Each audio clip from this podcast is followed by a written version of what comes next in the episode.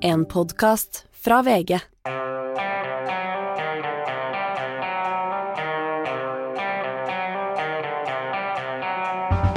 Ikke visste jeg at alle disse dagene som kom og gikk, de var selve uke 16. En uke hvor sommeren har hatt et forbigående teaser, får vi nesten si, her i hovedstaden og på, i det sentrale østlandsområdet, Hanna. Jeg vet jo at nå snur det snart, men gud så deilig det har vært, Anders. Ja, det har vært, eh, det har vært bra, jeg må si det. Altså, jeg liker egentlig alle årstider. Eh, Alle har sin skjerm, det mener jeg helt med hånden på hjertet. Men det er noe eget å gå inn i denne årstiden vi er på vei inn i nå, det gir en egen eh, forventning, det må man si. Og da må jeg si at du har et litt lysere sinn enn meg, for jeg syns jo eksempel særlig november og januar synes jeg er fryktelig tunge. November er koselig. Nei! Og da er jo jula like om hjørnet, vet du. Er det er for det er desember! Ja, ja, men like om hjørnet, sier jeg. Så det er liksom eh, Da kommer julemarsipanen i butikken, og det er eh, Julebordene begynner gjerne da, og nei, det syns jeg er koselig. Og da kan du lage god mat og sitte inne og, og sånne ting. Eh, jeg syns nok at mars er den lengste. For da, altså, hvis det var særlig nå i år har det vært en del snø, har du kunnet gå på ski, men, men uh, hvis det liksom er sånn slapsete og, og regnete i mars og sånn, så syns jeg da begynner det å holde, liksom. Men da vil jeg bruke ditt argument, men da er jo våren rett rundt hjørnet, Anders. Det er jo april rundt rett er jo en overdrivelse. Rett rundt er en overdrivelse, fordi det er kortere, føler jeg, fra november til desember enn det er fra mars til mai. Og det Ja, er jeg er enig i det. Jeg er enig i det, Anders. Nerde, nerdete diskusjon.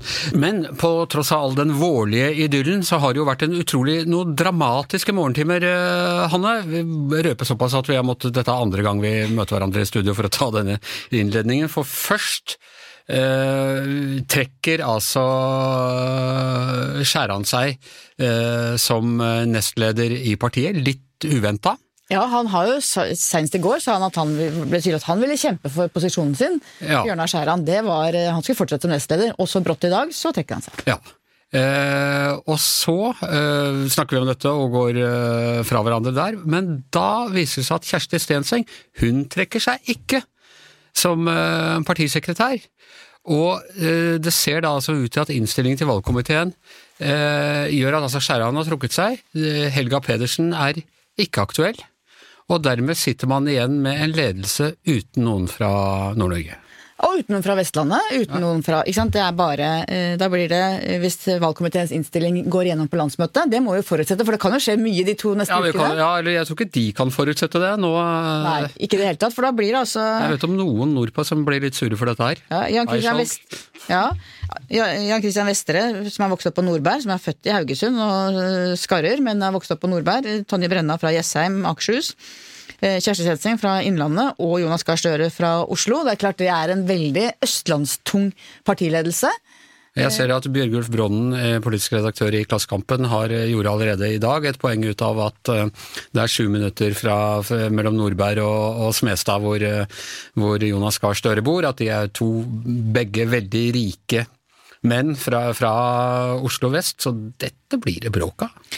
Vet du hvor jeg tror de jubler nå, Anders? Jeg tror Nei. de jubler i Høyre. Ja. Hvor de sier fire fra Østlandet, to millionærer, to fra vestkanten, jepp, dette her er det nye Arbeiderpartiet. Får Høyre til å virke ut som det rene folkepartiet. Absolutt. Ja. Men jeg- må si at jeg ble litt overrasket, for jeg trodde faktisk at eh, Helga Pedersen var en litt sånn no-brainer. Eh, både i kraft av sin erfaring, av at hun på en måte er Noen sier at hun er for nær Hadia, og da, Hadia Tajik, og da mener jeg at de trekker på en måte giften fra hele den eh, 2017-striden enda videre inn. Mm. Sånn som jeg har sett Helga Pedersen gjennom mange mange år, så har hun aldri vært noen sånn fløydame eller noe som driver med skittent spill og maktkamp. Altså Hun ville jeg lest som en som samler partiet ganske bredt, mens Kjersti Stenseng har vært omstridt, og mange mener at hun har gjort en dårlig jobb, så jeg ble veldig overrasket over at man ikke bare hoppa på en flink kvinne fra Nord-Norge for å få dekka den distriktsbiten, og ja, Men det gjorde de ikke. Men det, det vi snakket om i, i 1.0-utgaven av denne samtalen, som vi nå har måttet så ligge på, på klippegulvet, eh, det var jo Altså, hvem har da gitt eh, Skjæran beskjed om at eh, du må trekke deg, og du mente han må være noen i, i valgkomiteen, men han har jo gjort det eh, Han har jo da nobelt eh, trett til side for å slippe til Helga Pedersen, tror du ikke det? Nei. Jeg tror at han bare, jeg tror ikke han velvillig har styr- gått altså, til side side for sånn noen. Ja, nei da, men altså offisielt. Ja, for, ja fordi at det, var- de sprakk jo ganske mye i Nord-Norge i går òg, hvor eh, Nordland sto fast på sin skjæran og ikke, slett ikke ville ha Helga Pedersen. Og jeg tror det er mer at det bare makta rår. At han Men hvor kom denne Pedersen-saken fra da? Den har jo vært spilt inn annet fra Oslo, eh, er mitt inntrykk. At det er eh, motstand At det handla veldig mye om motstand mot Kjersti Stenseng, som også handlet om den gamle striden Trond Giske, Hadia Tajik, som veldig mange i Arbeiderpartiet bare hadde håpet at de snart kunne legge bak seg og bare begynne med blanke ark. Ja. Eh, og Kjersti Stenseng blir av mange sett på som på en måte en del av den andre sida fra den striden. Så motstand mot henne har handlet om det, men også om at mange har ment hun har gjort en dårlig jobb i partiet. Ja, men altså, for å trekke det du kaller giften inn fra de gamle, altså Hadia Tajik, fløyen av partiet, hvis man kan snakke om det, den er nå helt ute av ledelsen. Eh, ja, Hadia Tajik kommer jo heller ikke inn Nei. i sentralstyret. Der er det ordføreren eh, Hun kan bli statsråd eller noe sånt, men hun, er, eh, hun har tapt det forsøket på å komme tilbake i, i ledelsen. ja, Og det ble tydelig ganske tidlig at hun i hvert fall ikke vil bli nestleder. Og så er spørsmålet her, får hun en plass i sentralstyret, og det tyder jo alt på at hun ikke får noe. Men Stenseng, hvor henter hun da sitt mandat fra? Hvordan har hun klart å bli sittende opp i dette? Dette er et stort kompromiss, da, ikke sant? hvor Trøndelag har villet fortsette å ha Stenseng, hvor eh, Oslo har villet ha henne ut, de vil ha Helga Pedersen, og så har man liksom bakt sammen en slags eh, kompromiss hvor da Oslo har ønsket seg eh, Jan Christian Vestre, og så er det sånn som det er at man eh, Makta rår, og de forskjellige fylkeslagene skal ha sitt. Sånn at eh, det er rett og slett en pakke. Hvor, på spørsmålet nå syns jeg som er mest spennende, er skaper dette ro fram mot landsmøtet? Eller blir det nå en åpen strid Nei, jeg tror faktisk ikke det. Nei, for det var jo litt det du sa i går, at dette nå med Helga Pedersen og dette her, dette kan skape litt ro og, og sånne ting. Men nå ser det ut som det blir, det blir nok å gjøre for oss, i hvert fall. Ja, og jeg har jo vært på noen dramatiske landsmøter i Arbeiderpartiet tidligere hvor det har vært eh, maktkamper og strid til langt på natt, og man har telt stemmer og- og ja, ja. benkeforslag, og det har vært eh, mye Så jeg tenker, eh, man har liksom gjort en halvveis løsning, tenker jeg, hvis poenget var å prøve å, å gå videre og få en slags ny start. Igjen gjør Arbeiderpartiet litt sånn halvveis. Men det holder i hvert fall oss i skravleklassen eh, beskjeftiget, Hanne. Det skal vi være glad og takknemlige for. Ja, Så da sier vi takk for det. Tusen hjertelig takk til Det kongelige norske Arbeiderpartiet. En annen ting som skjedde rett etter at vi var ferdig i eh, studio og hadde akkurat publisert eh, gårsdagens podkast, det var at det ble slutt på streiken. Litt surt for alle oss som nå har bunkra opp Nugatti til å vare oss til langt ut i eh, sommeren, men, eh, men sånn er de bitre realiteter. Eh, Sindre, var denne streiken egentlig nødvendig, når det lot seg løse så kjapt? Ja, det kan du si, men det var jo en veldig omfattende streik, og jeg feller jo også noen tårer for de som bunkret opp 93 bokser Pepsi Max nå, og håper de får eh, avsetning på det. Men, men den, særlig hvis du var lavtlønt, uten lokal forhandlingsrett, så har du kommet bedre ut nå. For du er sikret at mer av pengene settes eh, sentralt, og at du da kommer nærmere å få en reell eh, lønnsøkning eh, i år. Så en del vil jo absolutt svare ja på at det var verdt det. For mange andre grupper, særlig ansatte i bedrifter som går godt, og som kunne gitt mye i lokale tillegg, så kan det jo være at de kommer dårligere ut nå, hvis da bedriften bruker dette oppgjøret som et argument for ikke gi så mye lokalt. Og så får jo lønnsøkningen også virkning enn tre uker senere enn det ville fått uten streik. Så det er ikke sånn at alle kan eh, juble nå. Nei, men eh, det virket jo, dette har vi snakket om tidligere denne uka, det virka jo allerede ved da streiken begynte som om avstanden ikke var så stor. Altså tonen var mye mindre dramatisk enn eh, ofte er ved sånne streiker. Ja, enig. Og det er jo noe med historikken her, og når det er mellomoppgjør, det er bare kroner det handler om, så bør man kunne klare å bli enige. Og nå ventet jo et svært streikeuttak i dag, hvor smelteovner skulle blitt stengt ned, og så brukt evigheter på å bli, på å bli åpnet igjen, så det var på tide. Men du, hva, er, eh, hva, må vi, hva bør vi begynne å hamstre nå? Eh, Barn? eh, altså hva, hvilke streiker står for eh, tur? Ja, kanskje barn. Eh, der er du inne på noe. Fordi eh, eh, det er jo sånn at det har vært eh, to streiker fra lærernes side på kort tid, og det har vært tvungen lønnsnemnd eh, to ganger. Og der er det mye forbitrelse nå. Eh, og jeg ser jo uttalelser de har kommet med så langt òg, antyder jo absolutt at det kan bli streik. Jeg tror det er en eh, viss sannsynlighetsovervekt for at det kan bli en ny lærerstreik eh, i eh, år. Og det handler jo også litt om hva motparten, eh, KS, da, eh, velger å prioritere. Det er mange lærere som er frustrerte over at andre grupper, som sykepleiere, kanskje blir mer prioritert av kommunene, for de sliter jo også med å tiltrekke seg nok sykepleiere. Så her ligger det en kime til konflikt som jeg tror er vanskelig å løse. Ja. Andre enn lærerne? Sykepleierne òg kan jo være en gruppe. Statsansatte. Jeg ser at eh, det er frustrasjon hos mange statsansatte, særlig de som ikke har kunnet forhandle så mye lokalt, over at de også har falt eh, bakover på listene de siste par eh, årene. Dette er noen av gruppene som det blir spennende å følge nå utover. Og så er jo alle forhandlinger omtrent allerede utsatt pga. denne storstreiken, så vi får det litt senere, litt nærmere sommeren. og noe kan kom, også komme senere enn det. Ja. Men Nugattien er reddet for i år, det er, det er godt å vite. Da er det bare å smøre på tjukke lag på, på brødskiva. Husker Som barn så spiste jeg alltid Nugatti som godteri med teskje. Jeg husker, ja, som hvis man skulle på skoletur og sånne ting, Ja. men det, jeg gikk lenger enn Nugatti. Det var noe som het sjoko. Noe sånn som bare ren, seig sjokolade. Det, det eller Banos. Jeg vet ikke, Banos, er de i streik nå, eller er det Jeg, jeg, jeg er jammen ikke sikker på om de finnes engang, men tenk dere nå, det kan bli veldig mye usunt kosthold framover. Hvis eh, folk da har bunkret opp eh, øl, Ja. is eh, og sjokolade. Og så må de jo få avsetning på dette etter hvert. Det er jo grenser for hvor svære skap vi har. Og øl? Og øl, ja. Fulle og, og feilernærte kommer folk til å bli en Alkohol og sukkersjokk ja. inn i sommeren. Ja, ja, nei, dette er ikke bra. Dette er ikke bra. Eh, per Olav, eh, overraskende eh, plutselig eh, Jens Stoltenberg i eh, Kiev. Eh, hvis det ikke da, Vi snakket jo om dette her i går, eh, om mye om dobbeltgjengere. Eh, Putin har dobbeltgjenger, eh, Zelenskyj har dobbeltgjenger. Er det noe fare for at eh, Jens Stoltenberg har en dobbeltgjenger? Nei. Nei. Nei, altså, nei, det svarer jeg helt tydelig Ja. klar på. Nei. Det ser du på ørene hans. Ja, altså, Jens Stoltenberg har jeg sett veldig mange ganger. Ja. Ehm, og jeg må jo si at eh, eh, Vladimir Putin har jeg ikke sett, så, eh, sett på nært Ikke på hold. så nært hold, nei. Så og jeg er veldig sikker på at det var den rette som eh, var i, i Kiev i går, på besøk hos Zelenskyj. Ja, det var Stoltenberg. La den rette komme inn. Eh, og uh, det som overraska meg litt, var hvor tydelig han var på nå at altså For dette, dette har man jo holdt på med hele tiden, at nei, nei, Vesten hadde ikke invitert eh, eh, Ukraina til å bli med i Nato, og det var bare paranoia fra Putins side og sånn, men nå var Jens Stoltenberg helt klokkeklar på at eh, det står et Nato-medlemskap og, og venter på Ukraina bare denne krigen er over. Ja, ikke helt så klokkeklart i mine ører, men I mine eh, ører. Ja. I mine spisse, eh, originale ører. Ukraina hører rettmessig til i Nato. Over tid vil vår støtte hjelpe eh, til å gjøre det mulig, sa Stoltenberg i går i Kiev. Um, og Det det er kaller jeg å åpne døra, gjøre døra høy og den, den, den døren ble da i så fall åpnet i 2008 på Natos toppmøte i Bucuresti det, det året, hvor de sa at både eh, Ukraina og Georgia vil bli medlemmer en Så uten at det i rettferdiggjør krigen, Putin har et eh, poeng da, når han uh, sier at uh, man var i ferd med å verve Ukraina som Nato-medlem. Nato har en åpen dør-politikk, hvor land som på demokratisk vis bestemmer seg for å søke medlemskap, man skal ikke stenge døren for noen av de. Eh, og det, Den politikken har vært der hele tiden, og er der fortsatt. Eh, men så husker vi også at Russland har jo invadert både Georgia og Ukraina.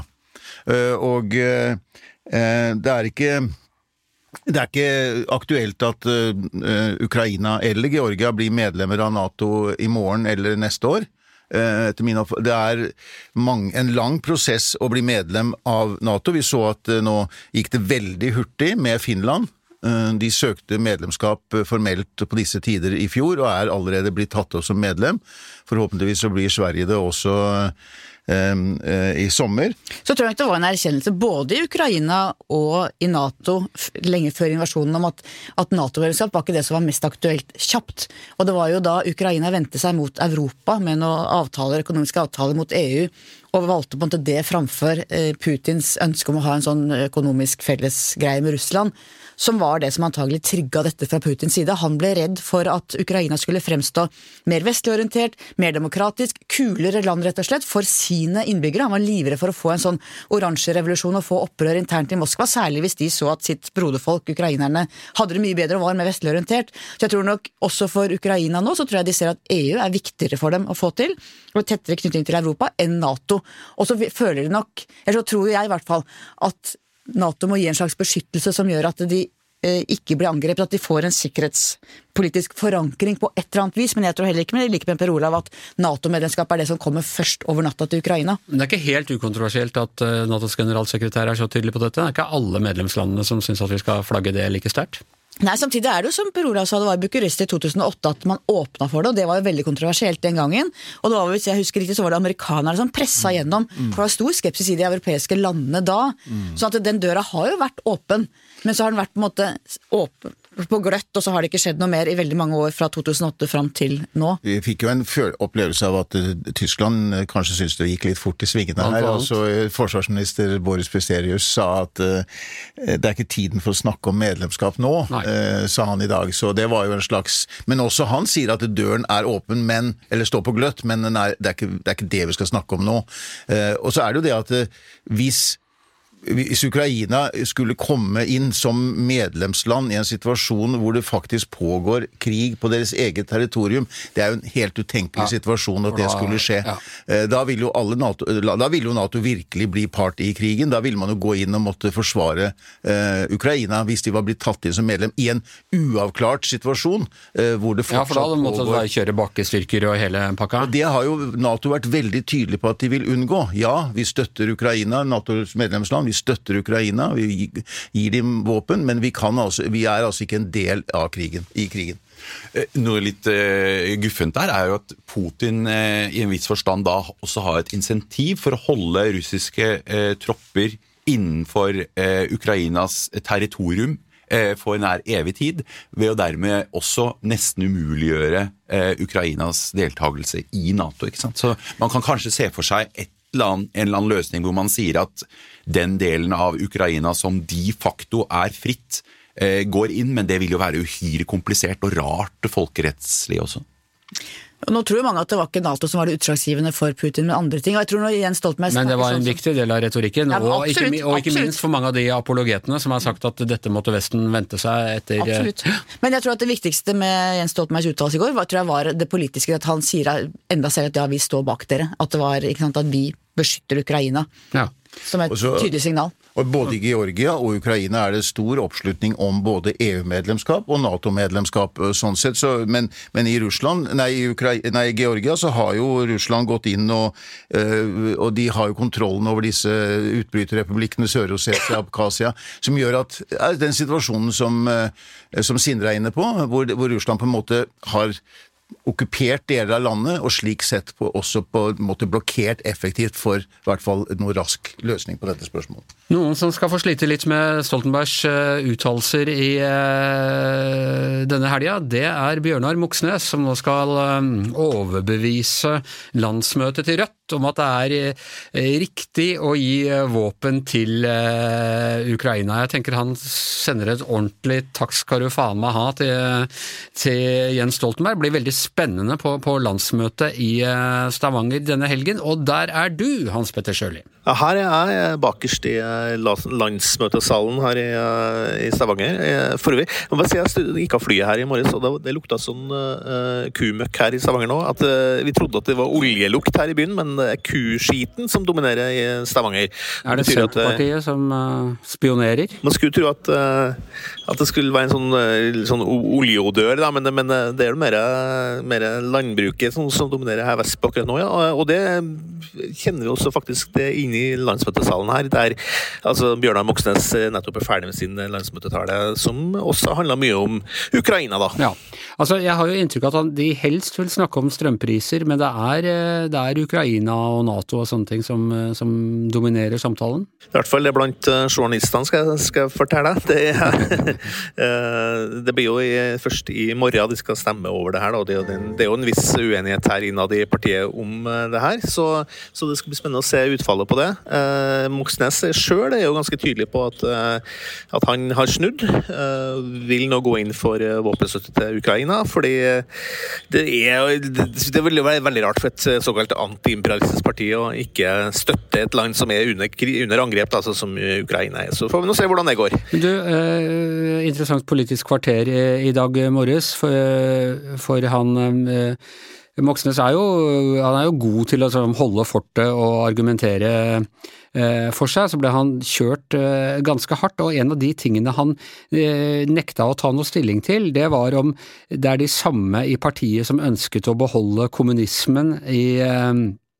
eh, prinsipprogrammet, eh, som nå går mot Rødt eh, går mot at man skal snu i, i våpen til Ukraina-spørsmålet. Hva tror du om det? Ja, men Det er ikke så enkelt som det. vet du, fordi det, er, det partiet her er veldig rart. Det er sammensatt av mange forskjellige fløyer. En del AKP-ere, en del mer sånn frihetsorienterte sosialister, sånne fredsaktivister og, og, og, flere ting. Så, så det er ikke, skillelinjene er ikke sånn at det er de gamle AKP-erne som, som, leder an i det her. Det er også et brudd mellom de gamle som kjemper for kommunismen. så Noen av dem vil også faktisk gå inn for, for våpenstøtte, så vidt jeg forstår. da. Så det er, veldig, det, er ikke lett å bare lage sånne sjargonger og, og merkelapper på, på det her. Det er et spørsmål som som handler litt om, det handler litt også om hva slags parti Jakob eh, Rødt skal være. da, Om det skal være et parti som er, er et vanlig mer eller mindre vanlig parti på venstresida, eller om det skal skille seg fra de andre og være, være det som Thorvald Steen i sin tid omtalte AKP som Norges mest vanvittige parti. Eh, det er noen i Rødt som fortsatt mener at eh, de må holde seg langt unna forhandlinger og, det å på en måte gli inn i sosialdemokratiet. Da. Men hva tror du, jeg vet du har akkurat landa, så, så, det kan jo være vanskelig, men, men har, du, hva, hva, har, du, noen magefølelse på hvor det kommer til å gå denne avstemningen om, om våpenhjelp? Kommer, kommer Moxnes til å lide nederlag? Det er vanskelig, jeg liker jo egentlig ikke å, å liksom gjette det heller, fordi jeg har jo hatt en del samtaler med folk på forhånd, og, de, er litt, de, er litt, usikre, altså. Fordi det er jo et veldig spesielt eh, system på fordeling av delegater i, i Rødt. Det er jo mange, alle, alle partilokallagene har jo sine, sine folk her, sant? så de, de, har ikke helt Ledelsen har ikke helt uh, oversikt over hva de enkelte delegatene faktisk mener. Så Sånn sett så er det, er det litt uh, i tvil, da, men nå har jo hele Eh, så å si alle kjente, eh, markante Rødt-politikere gått inn for det her. Da. Så, eh, og de sier jo sjøl at de tror de har flertall, så det, magefølelsen min ser vel at de kanskje har rett i det, men, men, det kan like gjerne skje noe annet. Vi vet jo på sånne landsmøter ofte at, at stemninga plutselig snur. Jeg var jo på SV-landsmøtet her nylig, og da skulle jo Lars Haltbrekken bli nestleder, men, og det var ledelsen helt overbevist om at de skulle få inn, da, men så ble det Marian Hussein i stedet, fordi stemninga på, på, på landsmøtet ble sånn sånn. Så, så eh, det, kan jo, det er ikke sikkert at alle har bestemt seg heller. Nei, kan snu like raskt som eh, stemningen i valgkomiteen i Arbeiderpartiet. Eh, hva tror du Moxnes gjør om han skulle tape her? Kan han, øh, kan han, overleve et sånt tap? Så du sier på Politisk kvarter her øh, i, i morges, så var han jo veldig Jeg syns han ble litt vag da, på alle de spørsmålene. Han svarer jo skikkelig. Han skal selvfølgelig føle at han har tillit, og han har ikke tenkt å gi seg. og har, har fullt av pågangsmot fortsatt og sånn, så, så, han sier jo det er ganske tydelig at han kommer til å fortsette uansett. Men, men, men det er jo et, så går de på et nederlag her, så er det et, et gedigent prestisjenederlag. Og det, det er også så et nederlag som rent politisk er vanskelig å leve med for, eh, for Moxnes. Så, så tja, vi får nå se. Jeg tror han fortsetter uansett, men men eh, det, da skal han i hvert fall få en del vanskelige spørsmål for Bjørn Myklebust i Politisk kvarter framover. Fordi han fikk kjørt seg noe voldsomt her i morges. Han gjorde det. Han gjorde det. Men det vel, han kan jo ikke godt gå på nå og begynne å stille kabinettspørsmål rett før. Det vil i hvert fall det vil i hvert fall ikke roe gemyttene, for å si det sånn. Nei, det, nå har de jo lagt den debatten her til i morgen, da. Selvfølgelig litt sånn utpå ut på dagen. Litt seint utpå dagen i morgen, faktisk. Så vi får da se. Men jeg regner med at det foregår Det skal være landsmøtemiddag i kveld. Jeg regner med at det vil foregå en del fraksjonsvirksomhet og en del sånn bøttekottmøter. Så får vi nå se da hvordan det ender opp. Jeg tror at partiledelsen vinner den saken her, men ja. man vet jo aldri. Andre saker? Fred, frihet og alt gratis? Altså, Det er å snakke om den dissens her om havvind, f.eks. Uh, Rødt er jo, er jo en veldig motstander av vindkraft generelt. Uh, og så er det, er det også liksom, hva slags parti Rødt skal være framover. Uh, det er diskusjon om vedtektene. Skal, skal de fortsatt ha et system der alle lokallagene har sine mandater, eller skal det fordeles på fylkeslagene? Altså, det er, det er sånn, Skal Rødt fortsatt være et, et litt sånn annerledes eh, parti som, som, ikke forholder seg til de vanlige reglene som andre partiene eh, styres etter? Eller skal de bli da et, et samarbeidsparti som, som, ønsker å få reell innflytelse i norsk politikk? Det er jo, det er jo ikke, noe, det er ikke, uten grunn at det, det landsmøtet her er i Stavanger, for her inngår de jo i en, en, veldig brei allianse. Da, en folkefront, som jo Moxnes omtalte som en folkefront som for øvrig også innbefatter det som i dag heter Folkets parti parti, nemlig bompengelista. Så, så Rødts, eh, Rødts breie breifront, det, er også en, ja, en, et politisk miljø som, som mange skal tro det står veldig langt unna Rødt eh, ideologisk. Det man kalte masselinja i gamle dager. Breifront og masselinje. Ok, da må du eh, kose deg med, med breifronten i det vakre Stavanger, Hans Petter. Det blir spennende å, snakke med deg igjen etter, etter denne avstemninga. Og da er det på tide med en liten spoiler-alert, en litt forsinket spoiler-alert, allikevel en spoiler-alert som eh, først og fremst dreier seg om eh, TV-serien Succession, eh, en serie vi har prata om flere ganger, og som hvor jeg eh, på en måte spoila litt denne uka, Astrid. Følger du med på Succession? Nei. Nei. Jeg har sett de to første sesongene, Ja. men jeg syns det er vanskelig å komme inn i fjerde sesong, for jeg husker ikke hvor, hvor jeg slutta i midt i sesong tre engang. Ikke- Men altså, jeg vil si at uh, Anders Giæver er en vandrende Vi bør ha en sånn plakat på deg med sånn spoiler-alert, og den Giæver i gjengen-podkasten, den bare bare merkes i, i Spotify og alle andre plasser man får podkast, med NB, NB, spoiler-alert. For jeg hadde jo egentlig tenkt, da, Anders Giæver, å se Succession sesong fire. Ja. Men du sitter og babler om hvem det er som dør, og, og i det hele tatt. Jeg, altså, jeg, øh, jeg gjorde ikke egentlig det, men det var en indirekte spoiler. Det var umulig å misforstå, Vi, snak, vi snakket om Rupert Murdoch, som, som Succession delvis da er bygget på. Logan Roy, Brian Cox eh, rollefigur i eh, Succession. Han er bygget på Murdoch, og så snakket vi om Murdoch, og så sa jeg jeg trodde han døde forrige mandag. Da skjønte jo jeg hva du snakka om. Du snakka om Succession. Mm. Eh, Fordi du også visste at det var noe spesielt med den episoden, for alle har sagt det. alle har snakka så masse om den, og sitter og fniser akkurat som det er liksom på fest, og dere har noe eget for dere gående, og sitter og fniser og driver med sånn innforståttheter, og jeg føler meg fullstendig utafor, så skjønner jeg at Du får begynne, du får begynne å følge med isteden. da, så Være med, være, se episodene med en gang de blir streama, så kan du stå rundt kaffetrakteren på øh, morgenen og være in the know, som vi Det i er det er litt sånn med serier som blir populære i den bobla man lever i sjøl, at eh, hvis man er liksom tre måneder for seint ute, så er det nesten ikke gøy å se serien lenger, for da har alle vennene dine snakka ferdig om den. Nei, jeg har liksom litt sånn Det er best live. Jeg liker ikke å utsette en dag engang, liksom. Og særlig fordi eh, det er jo, det er jo blodig urettferdig det du sier om at jeg spoiler ting, for jeg er egentlig ganske flink på, på å ikke gjøre det. Og, og den eh, Succession-døden, da. Eh, Da gikk jeg da, den fikk ikke jeg sett før etter noen dager, så da måtte jeg gå sånn med fingeren i øret og si la, la, la, la, la. Folk snakka om eh, Ja. Så nå har jeg mye på jobben her i VG, det er kanskje ikke du som er verst, men eh, for eksempel så har jeg jo en eh, samboerkontrakt med samboeren min om at vi må se sesongene eh, sammen, og så ofte er jeg jo her, er jeg her i Oslo, så må jeg vente Jeg kommer tilbake til Nordmøre, der jeg bor, Ja. og da kan jeg jo ta fem dager. Så må jeg gå med sånn eh, vatt i ørene hele tida. Det skjedde jo for eksempel under eh, Ja, det var vel denne eh, hendelser ved vann, eller var det den der, der eh, zombieserien før det? Da var, dere var The Last helt of Us. gira. The Last of Us, ja. Dere var så gira. Ja. Åh, den sesong tre var helt fantastisk, og det Ja. går egentlig ikke an å si et ord om sesong tre uten å spoile. episode tre. Eh, episode tre. Ja, Mm. ja. For det som skjedde der Nei, det skal ikke Nei, men, men i hvert fall, altså, jeg, har, jeg forholder meg til eh, noen eh, spoilerregler fordi jeg er blitt beskyldt for dette her tidligere, eh, som jeg fant på Forbes for en del år siden. Eh, den første er eh, si spoiler alert foran hver gang Litt sånn trigger warning, sånn som vi har blitt vant til med ungdommen nowadays. Ikke sant? Ikke sant? Eh, og så er det ingen unnskyldning å si at ja, men dette skjedde jo i boka. Ikke sant? I Ringenes herre. Du har ikke lov til å si at eh, de kaster den der ringen i dommedagskrateret på slutten av bind tre, fordi, fordi om det står i boka hvis folk ikke har sett filmen ennå. Nettopp, nettopp, enig. Og så er den.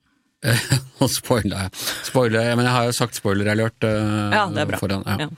Uh, og så, jo, og her, denne, er, er viktig, og den følger jeg alltid. Du skal alltid vente en hel uke før du snakker om eh, etter at noe har vært sendt. Men det kan jo ikke være sånn at vi i all evighet ikke kan snakke om at Logan Roy dør i eh, fjerde sesong av Succession fordi noen kanskje sparer den til de blir pensjonister. liksom. Enig i det, Anders, men en- ei uke høres jo kanskje litt, eh, litt kort ut, da. Ja, ja synes det? Eh, Ja, egentlig, fordi det som jeg nevnte i stad, det kan ta en uke før jeg er up to date, altså. Men du har jo rett i det. Det er jo liksom noe med at vi snakka om det her om dagen, at Jesus blir hengt på korset i Bibelen og sånn. Det er på tide å spoile det nå. Vi, Ja, ja, ja. kan ikke holde det hemmelig for de som ikke har lest Bibelen ennå. ja, så det må være en litt en viss pragmatisme må vi jo ha her. Ja, ja.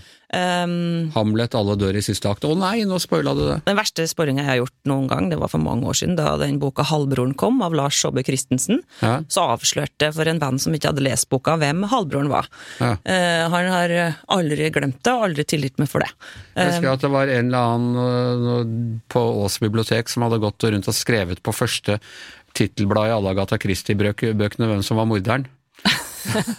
så hvis du hadde lånt med deg Agatha Christie-bok for påsken da, for å lese påskekrim, det er jo noe med så det. åpner du sånn sånn Ja, det er dommeren som er morderen. Ja, takk Takk skal du ha. Men det er noe med det at det er jo utrolig gøy å spoile. Det er jo derfor vi trenger skikk og bruk for spoiling, og at vi kanskje må skrive mer om det i VG òg. En egen liste, sånn at alle folk har en omforent eh, mening om hvordan ja. reglene er her.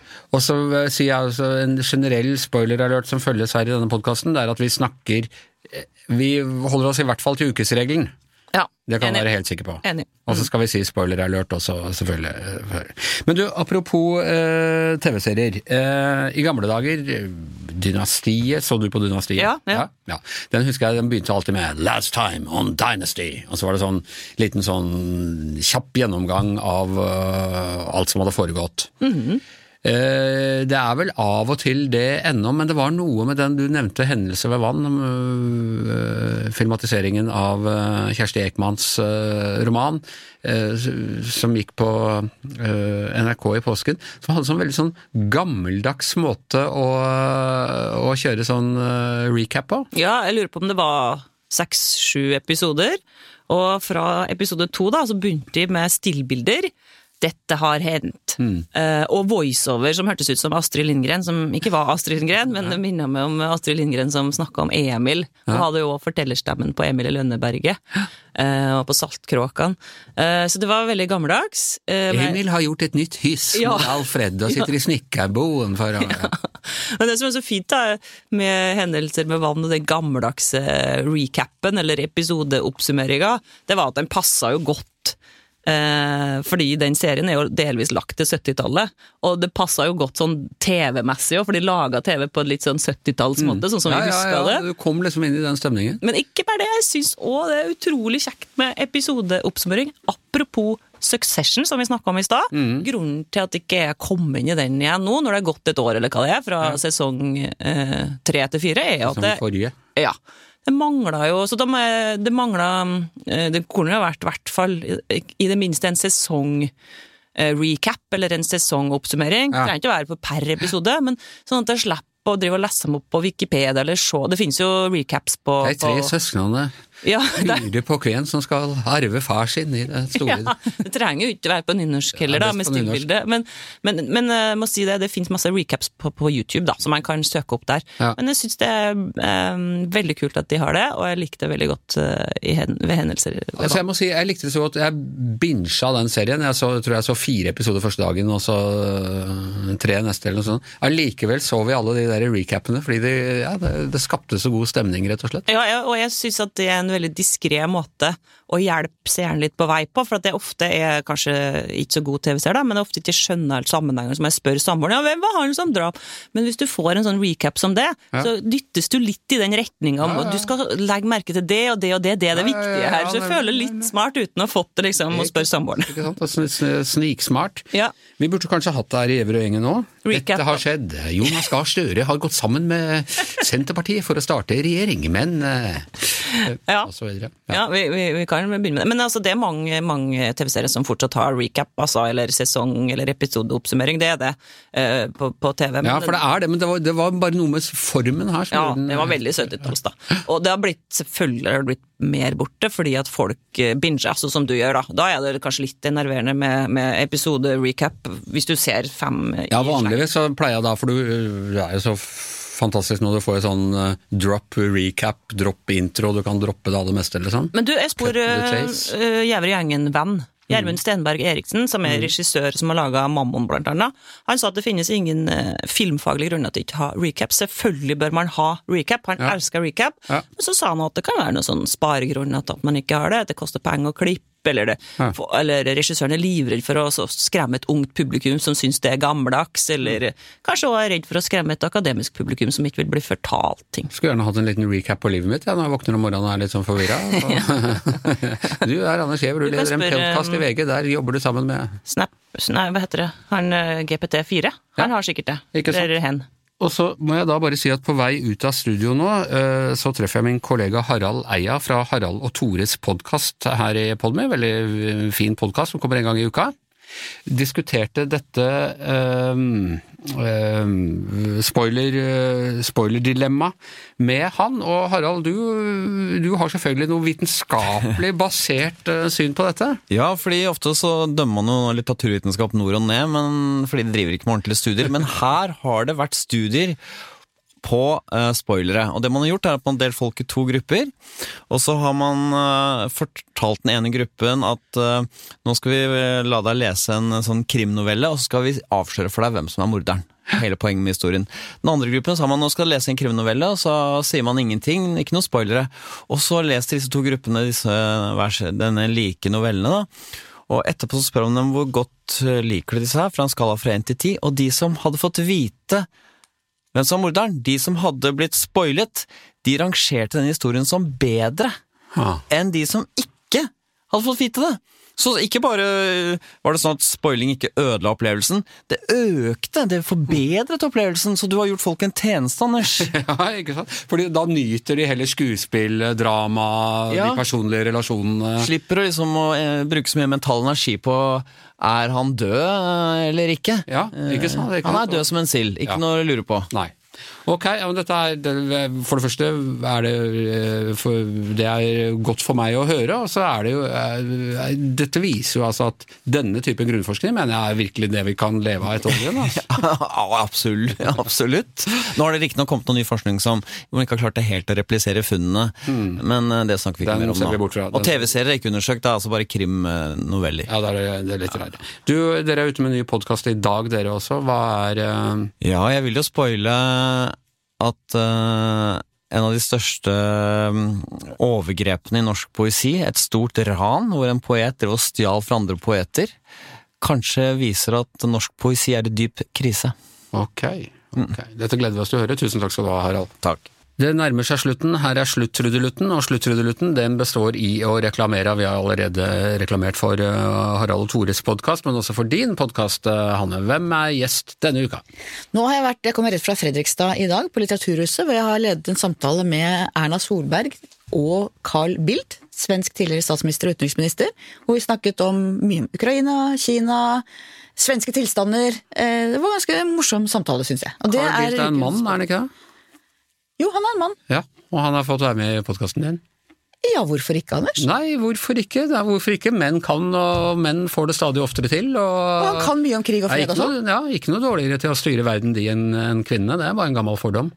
Absolutt. Ja, ja, så ja, det blir fint, det. Ja, det er kjempebra, eh, og den er altså eh, klar i morgen. Og med det så eh, er Gjevrøy-gjengen over for i dag. Tusen takk til Hanne Skartveit, Per Olav Ødegaard, Sindre Heierdal, Astrid Mæland, Hans Petter Sjøli, Harald Eia.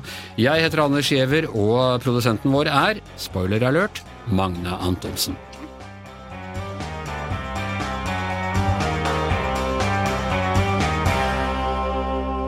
Du har hørt en podkast fra VG. Ansvarlig redaktør, Gard Steiro.